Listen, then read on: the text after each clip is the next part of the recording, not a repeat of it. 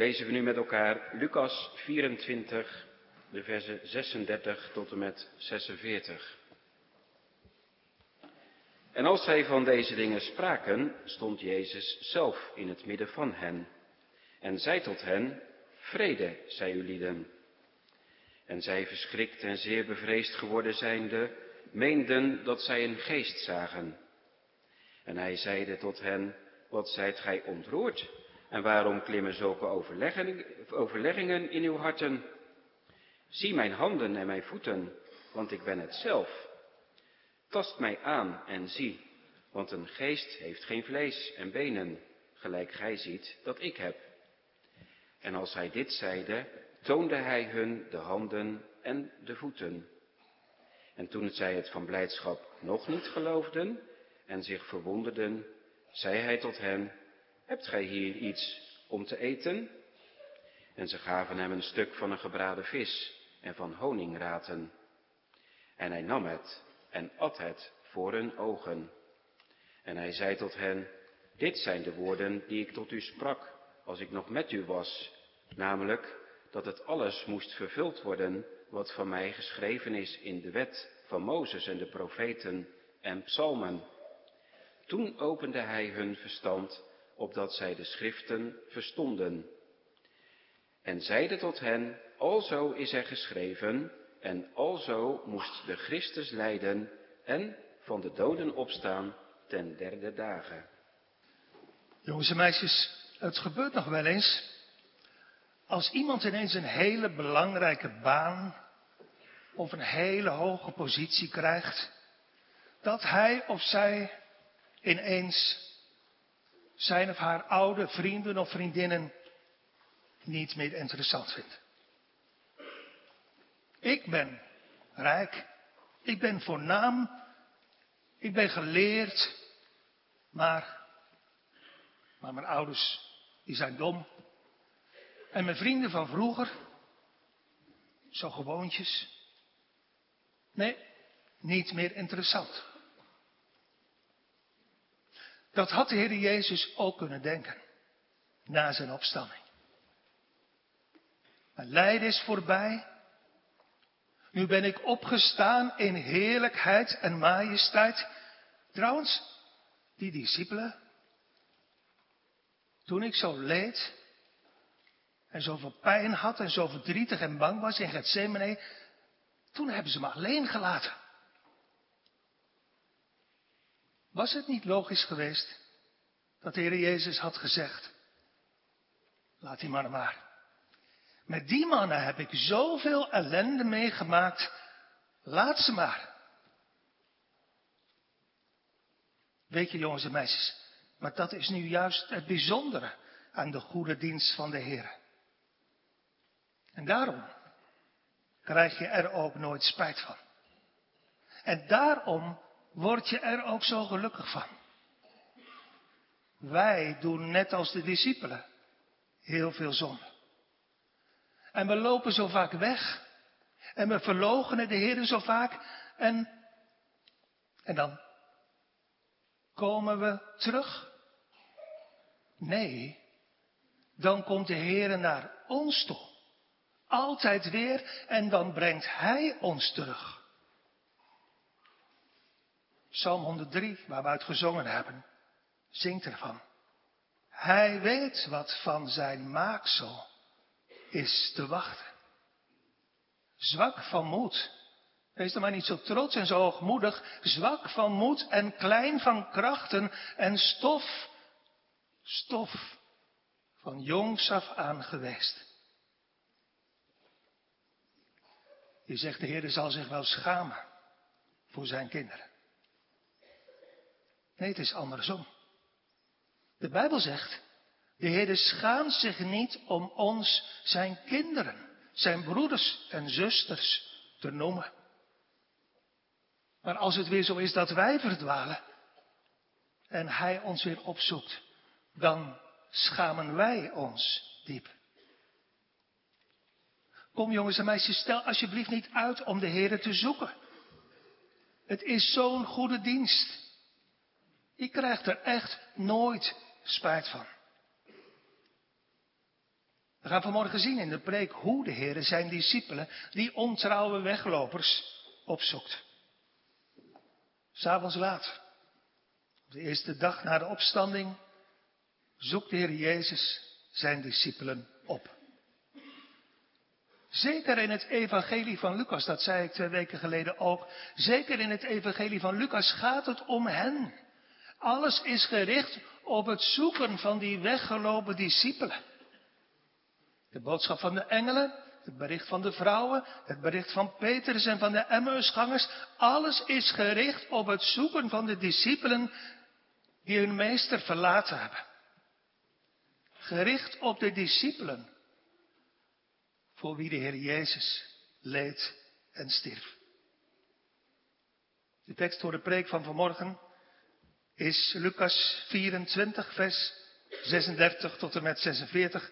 Dat hebben we gehoord en dat is gelezen. Ik lees als samenvatting en als tekst vers 36 nog een keer voor.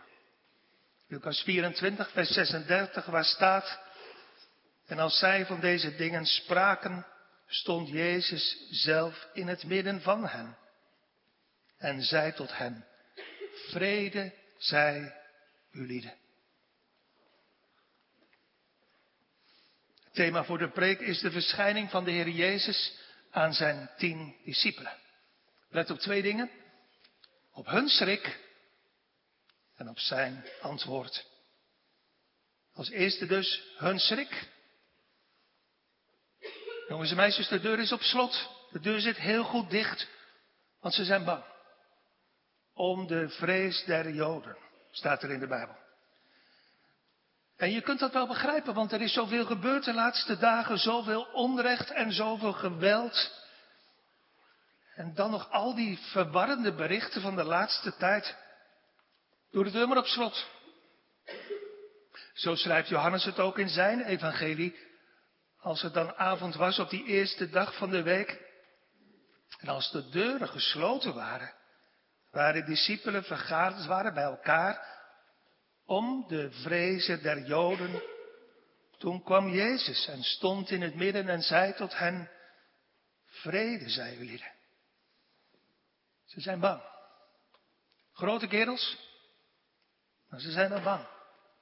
Nou, en jongens en meisjes, als je bang bent, dan doe je de deur op slot en dan doe je de gordijnen dicht. Maar dan nog, erg gerust voel je je niet. Je kent dat gevoel wel, als het avond is. En je bent misschien alleen thuis. Je voelt je hart bonzen hier en in je keel.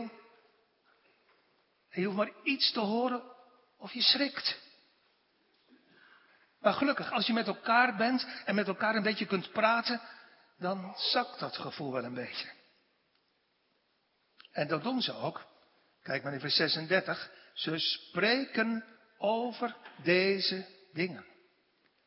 Ze praten met elkaar over de dingen die gebeurd zijn. Eerst was er dat, dat onverwachte. En dat voor hen ook zo onbegrijpelijke lijden en sterven van hun meester. En nu zijn er die berichten van Maria Magdalena en van de vrouwen en van de Emmausgangers en van Petrus. Maar hoe het ook is en wat men ook zegt, zij zijn hun meester kwijt. Ze moesten hem ook kwijt. Want zoals zij het dachten en verwachten, kon het niet. Ze dachten, dat weet je jongens en meisjes, ze dachten dat de Heer Jezus koning zou worden. En dat zij als ministers links en rechts op tronen naast hem zouden mogen zitten. Dat waren hun plannen. Dat was hun hoop. Dat was hun verwachting.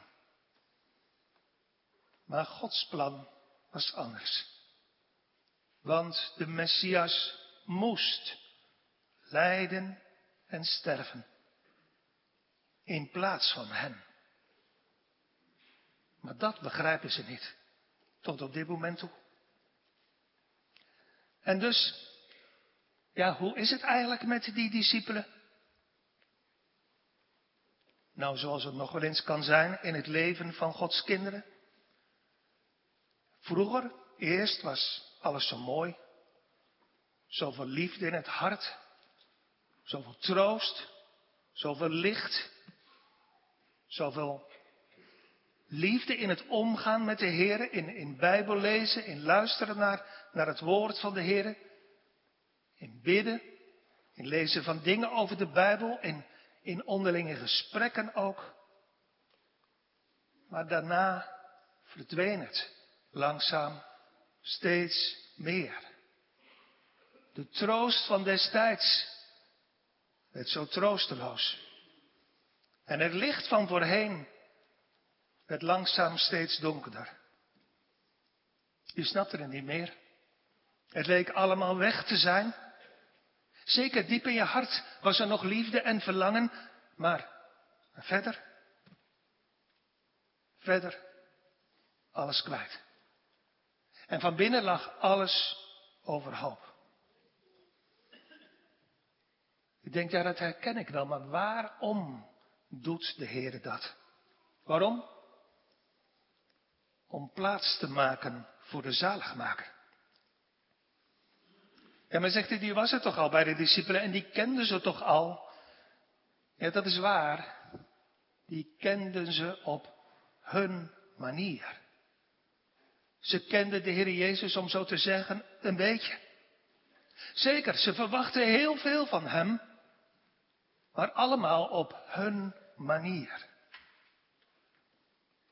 En de Heer wilde hen toen. En de Heer wil nu zijn kinderen meer leren. Meer van zichzelf, meer van God en meer van de Heer Jezus. Meer van henzelf. Want wat hebben ze het in de afgelopen dagen gezien en geleerd? Wie ze zelf zijn. Het vuur van hun ijver, waar ze zo trots op waren, brak. En hun hartelijke liefde ontaarde in wegvluchten, in verlogenen en vloeken. Van henzelf is niets anders overgebleven dan de zucht. O God, wees mij zondaar genadig. Ik was een kind van Adam. Ik verdiende de dood. Maar u kwam genadig in mijn leven en gaf me leven. Maar nu, heren, laat uw heilige geest niet van me scheiden. Hou me vast, heren, want ik ben alles kwijt. De Heer wil hen en zijn kinderen nu meer leren. Van henzelf, van, van onszelf maar ook van God en van Christus. Hoe dan? Nou, door dit wat je nu hier in gedachten voor je ziet. Ze wisten het zo goed. Wij, wij zullen met u sterven. Wij zullen ons leven voor u geven. U al onze liefde waard schat. Maar nu is het weg. Ze zijn hun meester kwijt. En ze kunnen het allemaal niet meer geloven. Ze zijn alles kwijt. En dan, dan komt Jezus midden in hun ellende. En dat is nog steeds zo, want Jezus is niet veranderd. Als wij in ons hart niets meer hebben dan zonde en nood en dood, dan komt Jezus. Dan komt Hij. Terwijl ze met elkaar spreken over al die vragen waar ze mee zitten. En over al die geruchten die ze gehoord hebben. In hun samenkomst. Daar komt de zaligmaker. Op het alleronverwachts. En we hopen en bidden dat dat vanmorgen ook in onze samenkomst zo zal zijn. Zoals staat in vers 36. Toen stond Jezus zelf in het midden van hen en zeide tot hen, vrede zij u lieden. U zegt het misschien ook als u kijkt naar uw eigen hart en leven. Vroeger, korter of langer geleden was het was het zo licht. Maar nu is het langzaam zo donker geworden. Vroeger wist ik het allemaal zo goed en kon ik het ook zo mooi vertellen, maar, maar nu weet ik het niet meer. Wanneer is dat de zucht van uw hart? Wanneer zal het licht weer opgaan in mijn hart? En waar zal de Heer Christus zich weer aan me laten zien? Waar zal ik Hem kennen, omhelzen en aanbidden? Waar? Naar Gods orde hier in de samenkomst op de zondagen. Of waar hij thuis meekijkt. En wanneer? Als ik niets meer heb van mezelf. Dan ongeloof en onvermogen om in eigen kracht te geloven. Dan staat daar ineens Jezus in hun midden en zegt tegen zijn discipelen, vrede zij u. Weglopers? Nee. Geen boosheid. Geen scherpe woorden. Geen verwijt. Nee, jongens en meisjes, zo is onze Heer Jezus niet. Hij geeft mild en verwijt niet. Vrede zij u lieden. Hij gaat van vrede spreken en dat is nog zo. In harten van mensen die het niet meer weten. Die alles kwijtgeraakt zijn. Waar het aanvankelijke licht misschien wel gedoofd lijkt te zijn. Omdat het allemaal zo anders gegaan is, net als bij de discipelen. Zo anders als dat wij hoopten. We hebben jongens en meisjes zo'n goede meester. We hebben zo'n lieve heren en zaligmaker. Zij, die discipelen, kunnen niet geloven. En wij ook niet. Zij zijn ontrouw geweest. En wij ook. En deze Heer Jezus heeft alle reden om weg te blijven en nooit meer naar ons om te kijken en nooit meer terug te komen. Maar Hij blijft trouw. Hij laat zijn kinderen nooit los. Hij doet wat hij gezegd heeft. Hij doet altijd wat hij beloofd heeft. En wat heeft hij beloofd? Ik zal u, discipelen, geen wezen laten. Ik kom weer terug tot u. Hij verlangt ernaar, de Heer Jezus, dat blijkt uit alles, om hen te zien en om hem in een verdriet te troosten. En hij verlangt er nog steeds naar om u te zien. En om u te troosten, u die het ook niet meer weet. Maar hij doet het op zijn manier. Ineens klinkt het vrede zij u lieden. Vergeving van zoveel kwaad en zoveel ontrouw. Vrede, zij u, met God. Ons tweede aandachtspunt, zijn antwoord. Jongens en meisjes, het is al laat in de avond. Het is donker buiten. Ze zijn bang, de discipelen. Dus de deur zit op slot en de gordijnen zitten dicht. Maar gelukkig, al praten met elkaar, zakt hun gevoel van angst wel een beetje weg. Maar nu,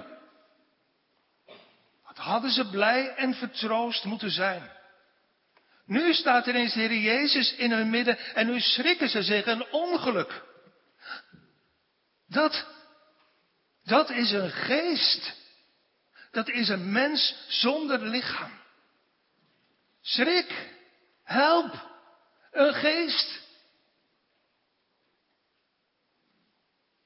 En hij zeide tot hen, vers 38, wat bent u ontroerd? En waarom klimmen zulke overleggingen in uw harten? Ze schrikken geweldig van dat onverwachte komen van Jezus in hun midden. Ineens staat hij daar. Maar er is nog iets. Die, ik las het voor uit vers 38, die overleggingen, die gedachten in hun hart. die de Heer Jezus ziet en kent. Want hij kent het hart van zijn discipelen.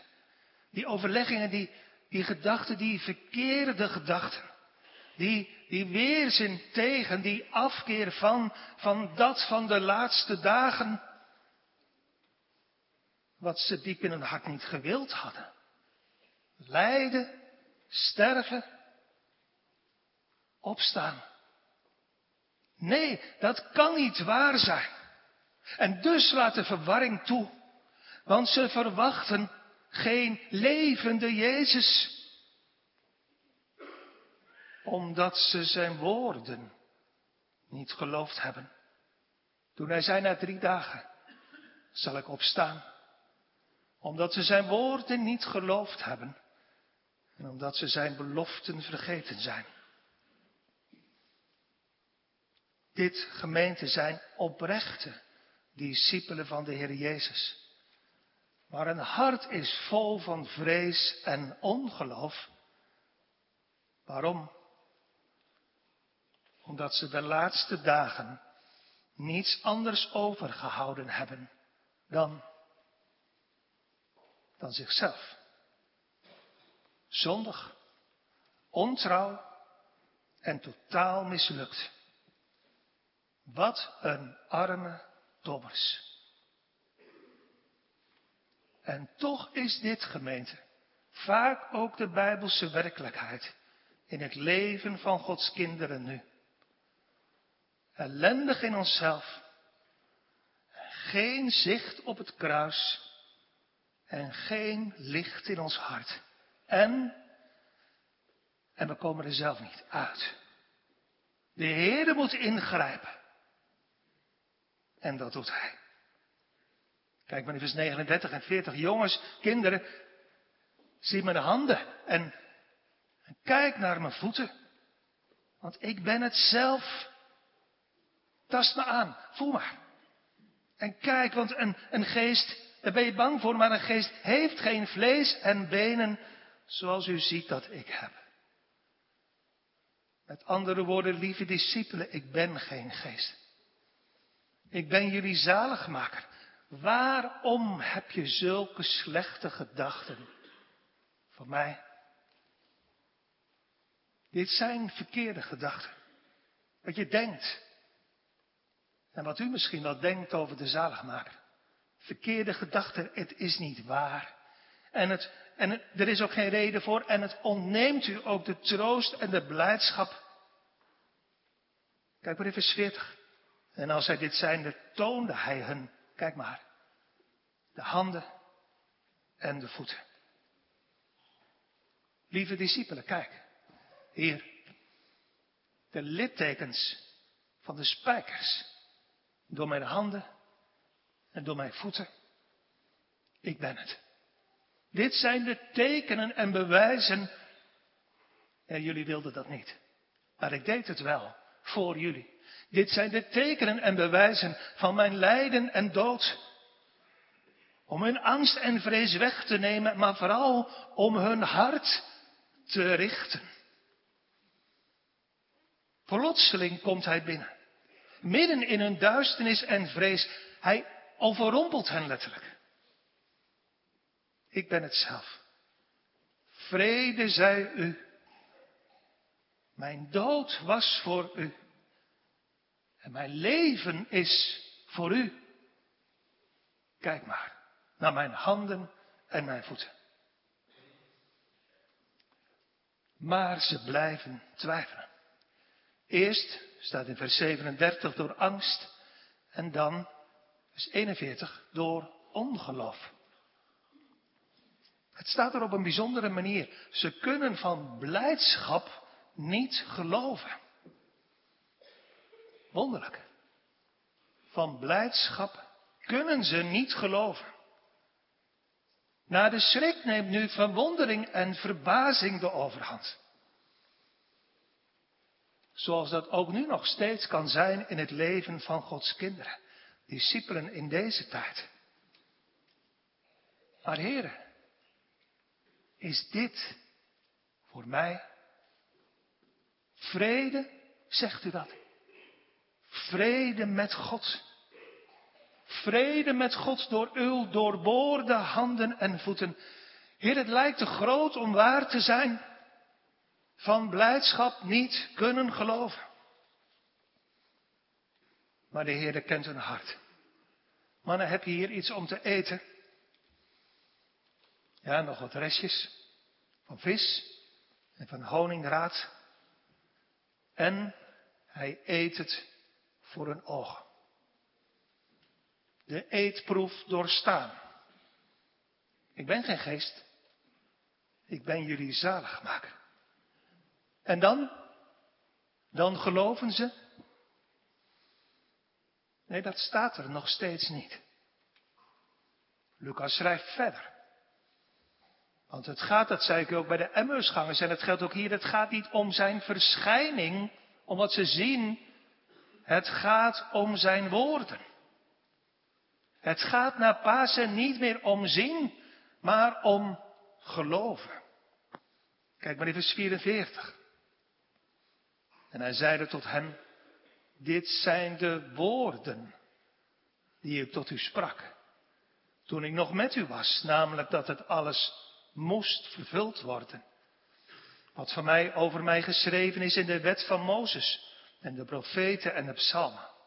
Met andere woorden, heel het Oude Testament is er vol van. Eigenlijk precies hetzelfde als wat de Heer Jezus tegen de Emmausgangers zei. Het staat in de schriften. In de boeken van Mozes, in de profeten, in de psalmen. En ik heb het u gezegd, discipelen. Maar jullie geloofden het niet. Ik heb het jullie gezegd dat het moest. Volgens het plan, volgens het eeuwige verlossingsplan van de drie enige God dat uitgevoerd moest worden. En toen opende hij de schriften. En toen opende hij hun hart. Hij haalt als het ware de blinddoek van hun ogen weg. Kijk maar in vers 45. Toen opende hij hun verstand, opdat ze de schriften verstonden. Je zegt, maar waarom heeft de Heer Jezus dat nou allemaal niet gedaan voor zijn lijden? Dan was dit moeilijke allemaal niet nodig geweest.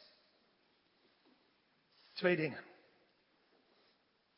Het lijden van de Heer Jezus moest volmaakt zijn.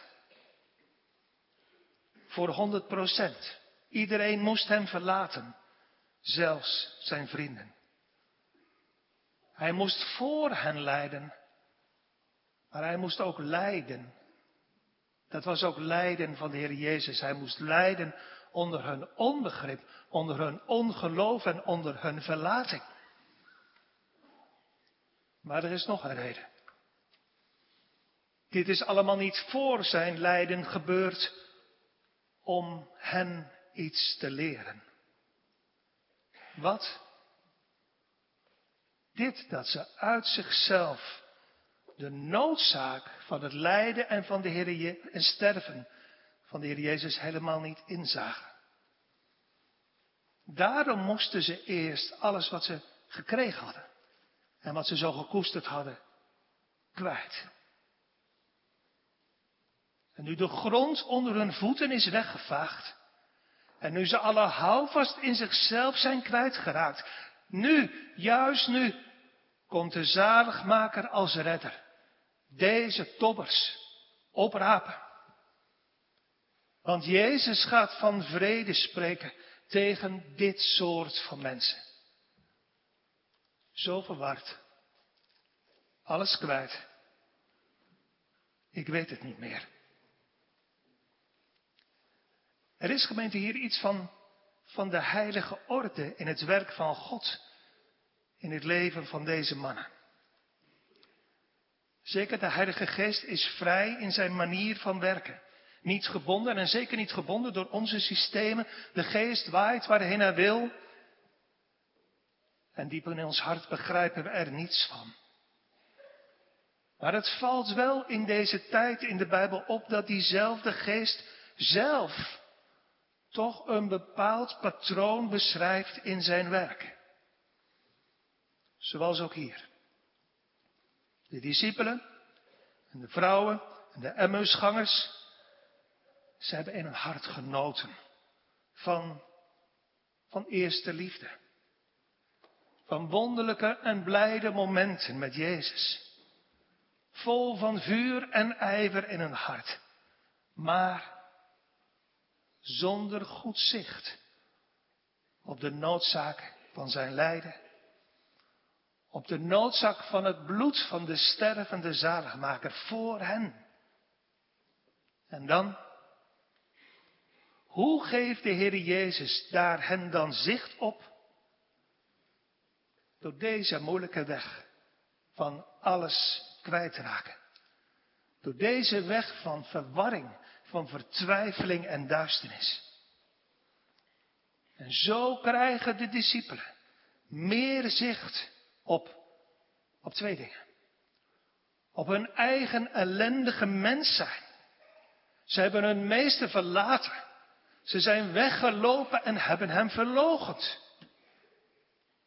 Ze krijgen meer zicht op hun eigen ellendige mens zijn, maar ook als tweede.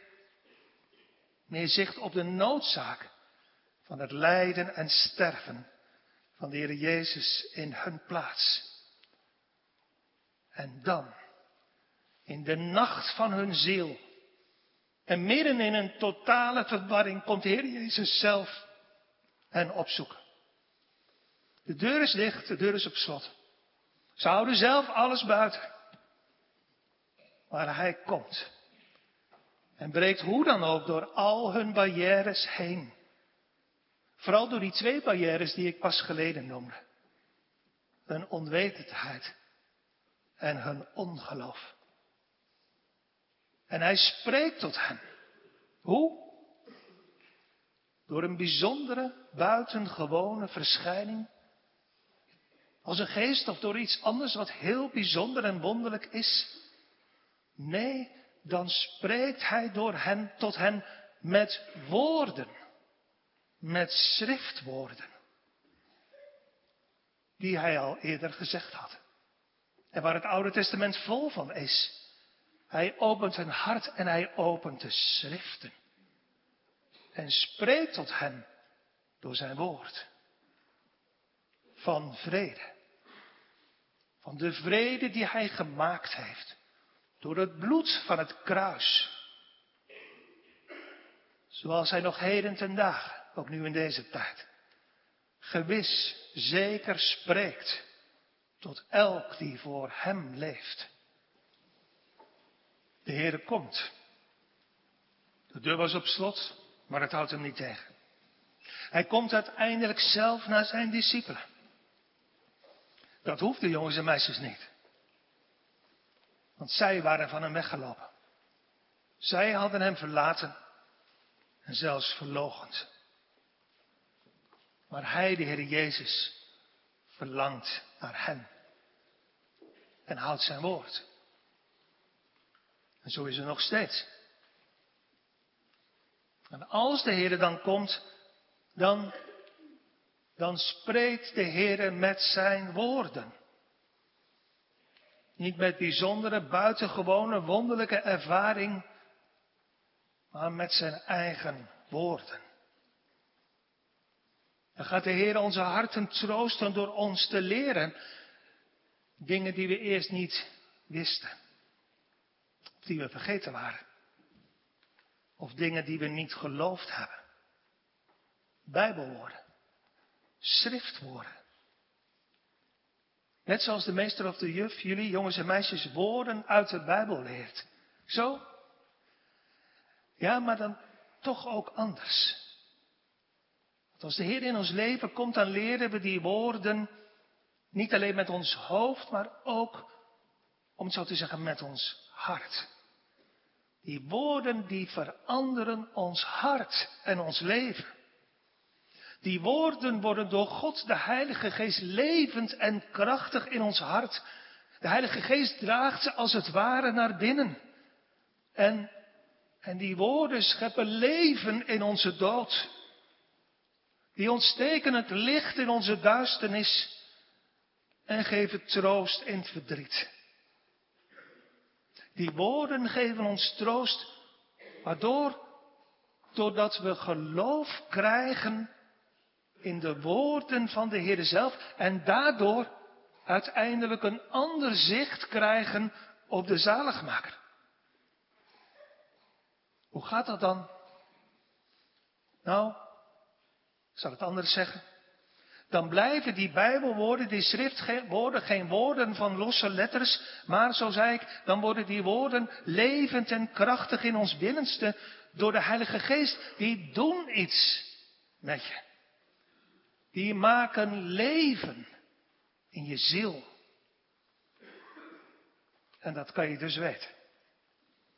Als de Heer zo in je leven gekomen is met, met zijn woorden. Want dan doet dat kracht in je ziel. Dat zien de Heer. Want bij het zien, zien van de tekenen in de handen en voeten van de Heer Jezus blijft de twijfel nog hangen. En als de Heer hun verstand opent en de schriften opent, dan lees je niets meer van twijfel of tegenspraak. Dan klaart de duisternis op. Dan wordt het helder. Dan wordt het licht. Dan wordt het zoals de Bijbel zegt, in uw licht zien wij het licht. Dan overwint dat al ons ongeloof en al onze twijfel. En dan verblijdt dat ons hart als misschien wel na zoveel bange tegenspoed, zoals de dichter dat noemt. En na zoveel duisternis en strijd innerlijk. De Heere van vrede gaat spreken in ons hart. En ons iets leert. Iets leert. Want voelen is fijn, maar het gaat om leren. Het gaat om onderwijs. Als de Heere ons leert dat dat lijden en sterven moest. En dat hij dat gedaan heeft voor mij. Zulk spreken van de Heer in je hart vergeet je nooit meer. Dan zeg je met de dichter van Psalm 119, geen leed zal het ooit uit mijn geheugen uitwissen. Die woorden van de opgestane Heer Jezus brengen deze discipelen voorgoed op een ander spoor in hun leven. Wat ze vroeger niet kenden, wat ze vroeger niet wisten en niet begrepen, maar vooral niet wilden, overgeleverd worden. Lijden en sterven. Aan het kruis, opstaan uit de doden, wat ze toen niet wilden, wordt hen nu tot verwondering en blijdschap. En straks gaan ze erin roemen. In het kruis.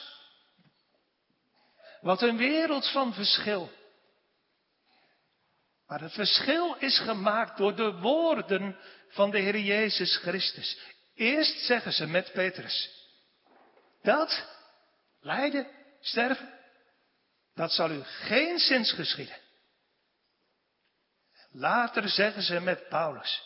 Het zij verre van mij dat ik zou roemen anders dan in het kruis van onze Heer Jezus Christus, door welke de wereld voor mij gekruisigd is en ik voor de wereld.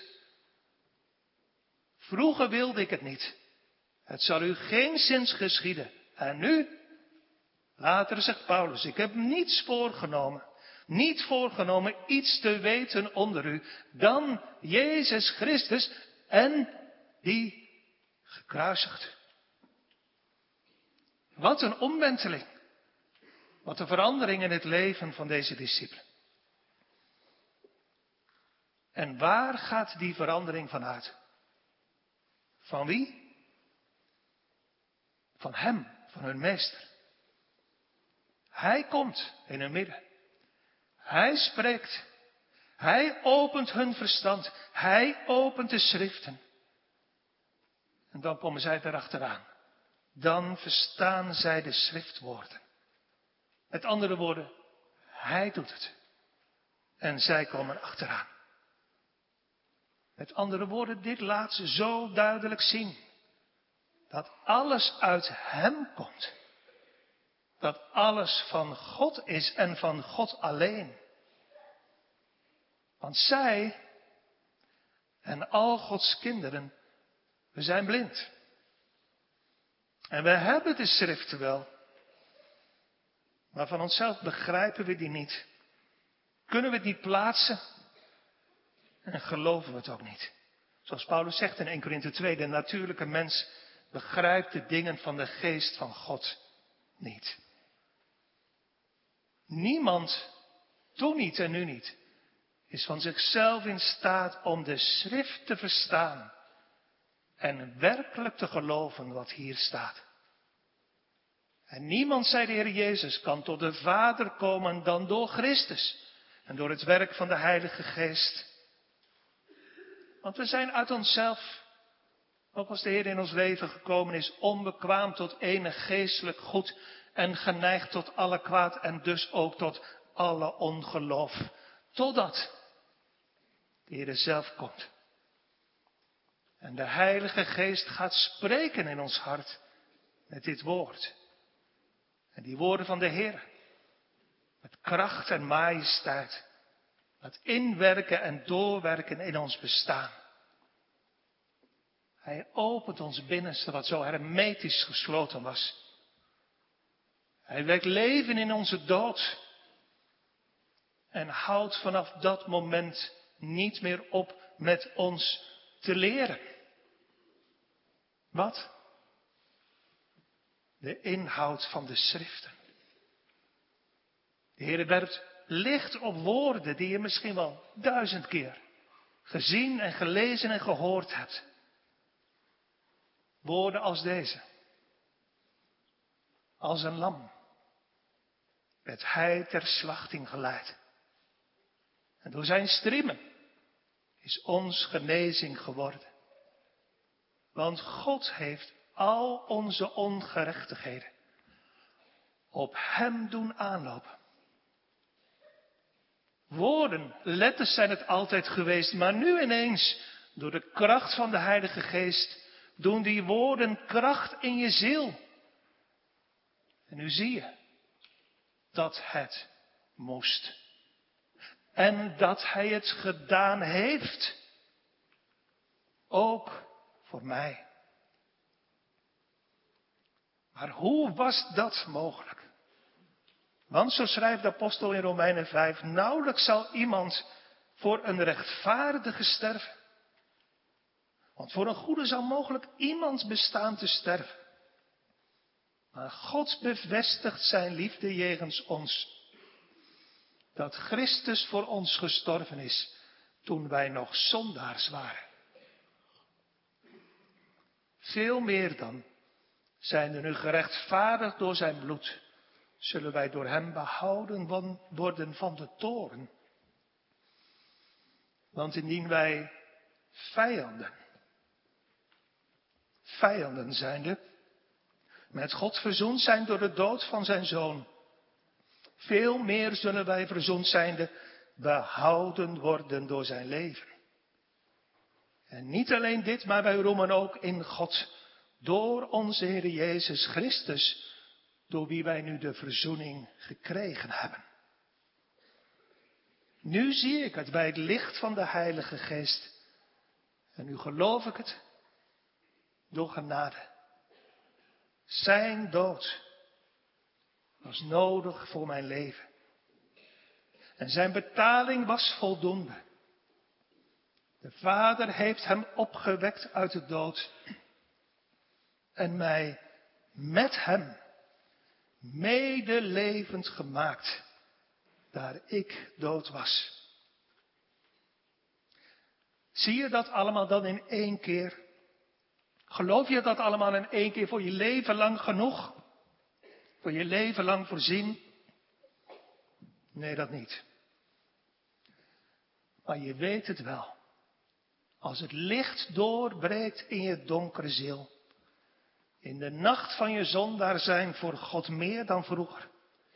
Je weet het wel als je door Gods genade een helderder licht gekregen hebt op de zaligmaker. En je weet het wel als het door Hem gewerkte geloof vaster geworteld is en vaster gefundeerd in de belofte woorden van de schrift. Tot slot. Nog even terug, jongens en meisjes, naar het begin. Waarom is de dienst van de Heer zo'n gelukkige dienst? Nou, hierom, ik zei het al een beetje. Je zou verwachten, na alles wat de Heer Jezus met zijn discipelen heeft meegemaakt, na alles wat zij gedaan hebben en na alles wat wij gedaan hebben, zou zeggen, ik ben klaar met die mannen. Ik heb het vaak genoeg geprobeerd, maar zij willen gewoon niet, ze luisteren niet, ze geloven niet. Ze zijn gevlucht, ze hebben me verlaten, ze hebben me verlogend. Ik ben klaar met die mannen. En toch, ondanks wat wij gedaan hebben, en ondanks dat wat we nog steeds aan zonde doen, en ondanks dat de wortel van alle zonde in ons hart zit, toch is onze Heer en Zaligmaker zo niet. En als ik daaraan denk, jongens en meisjes, en ik denk dat al Gods kinderen dat hier in de kerk ook zullen zeggen, als ik daaraan denk, dan schaam ik me diep voor de Heer. Dan zeg ik, Heer, u bent zo goed. En ik ben zo slecht. Dan schaam ik me diep voor de Heer, maar dan weet ik me aan de andere kant ook zo gelukkig. Want ondanks alles wat ik gedaan heb en doe, noemt Hij me nog steeds mijn kind, mijn broeder, mijn zuster. Hij houdt me altijd vast. Ik vergeet Hem, maar Hij vergeet mij niet. Ik loop weg, maar Hij zoekt me op en brengt me terug.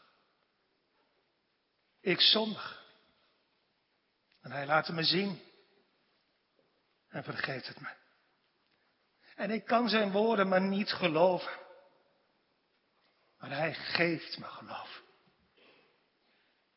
Hij heeft alles voor me gedaan. Niet alleen één keer, maar dat blijft zo.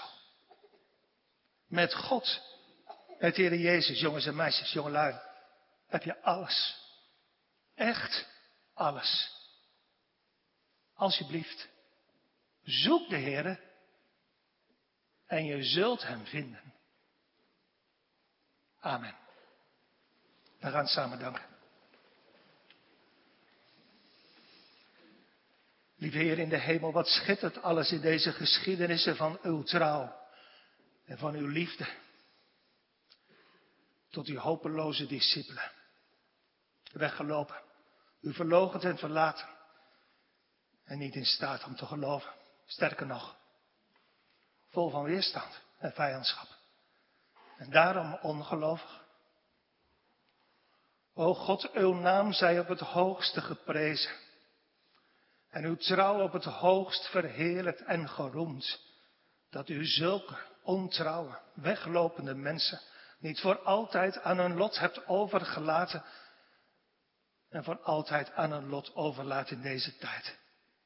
Maar dat u ze altijd weer genadig opzoekt en ons altijd weer terugbrengt. Vol verwondering aan uw voeten. Onze hoogmoed gebroken. Verootmoedigd voor uw aangezicht. En vol verwondering en verbazing om zoveel liefde en trouw van u. Heer, breng al uw kinderen daar. Opnieuw, net als de discipelen aan uw voeten. Verbaasd, verwonderd, maar met geloof in uw woord van u gekregen. En wilt u geven, Heer, dat iedereen die buiten u is, u zal zoeken met heel zijn of haar hart. En u zal vinden, zoals u dat beloofd hebt. Want u hebt nooit gezegd tot het zaad van Jacob, u hebt nooit gezegd tot de gemeente van Capelle Bieselingen, zoek me te vergeefs. We pleiten op uw belofte woord, Heer. U hebt het gezegd. Doe wat u gesproken hebt. Zoek me en dan zult u vinden. Geef dat heel veel mensen zoekers zullen vinden. Maar geef dat ook heel veel mensen, jong en oud, die niet zoeken. Vandaag zullen gaan zoeken. Om op uw tijd zeker te vinden. We danken u voor alles wat u gaf in deze dienst, heren. Geef ons trouw ook in het komen naar de middagdienst. En wil ons ook dan uw onmisbare zegen geven. Om Jezus wil. Amen.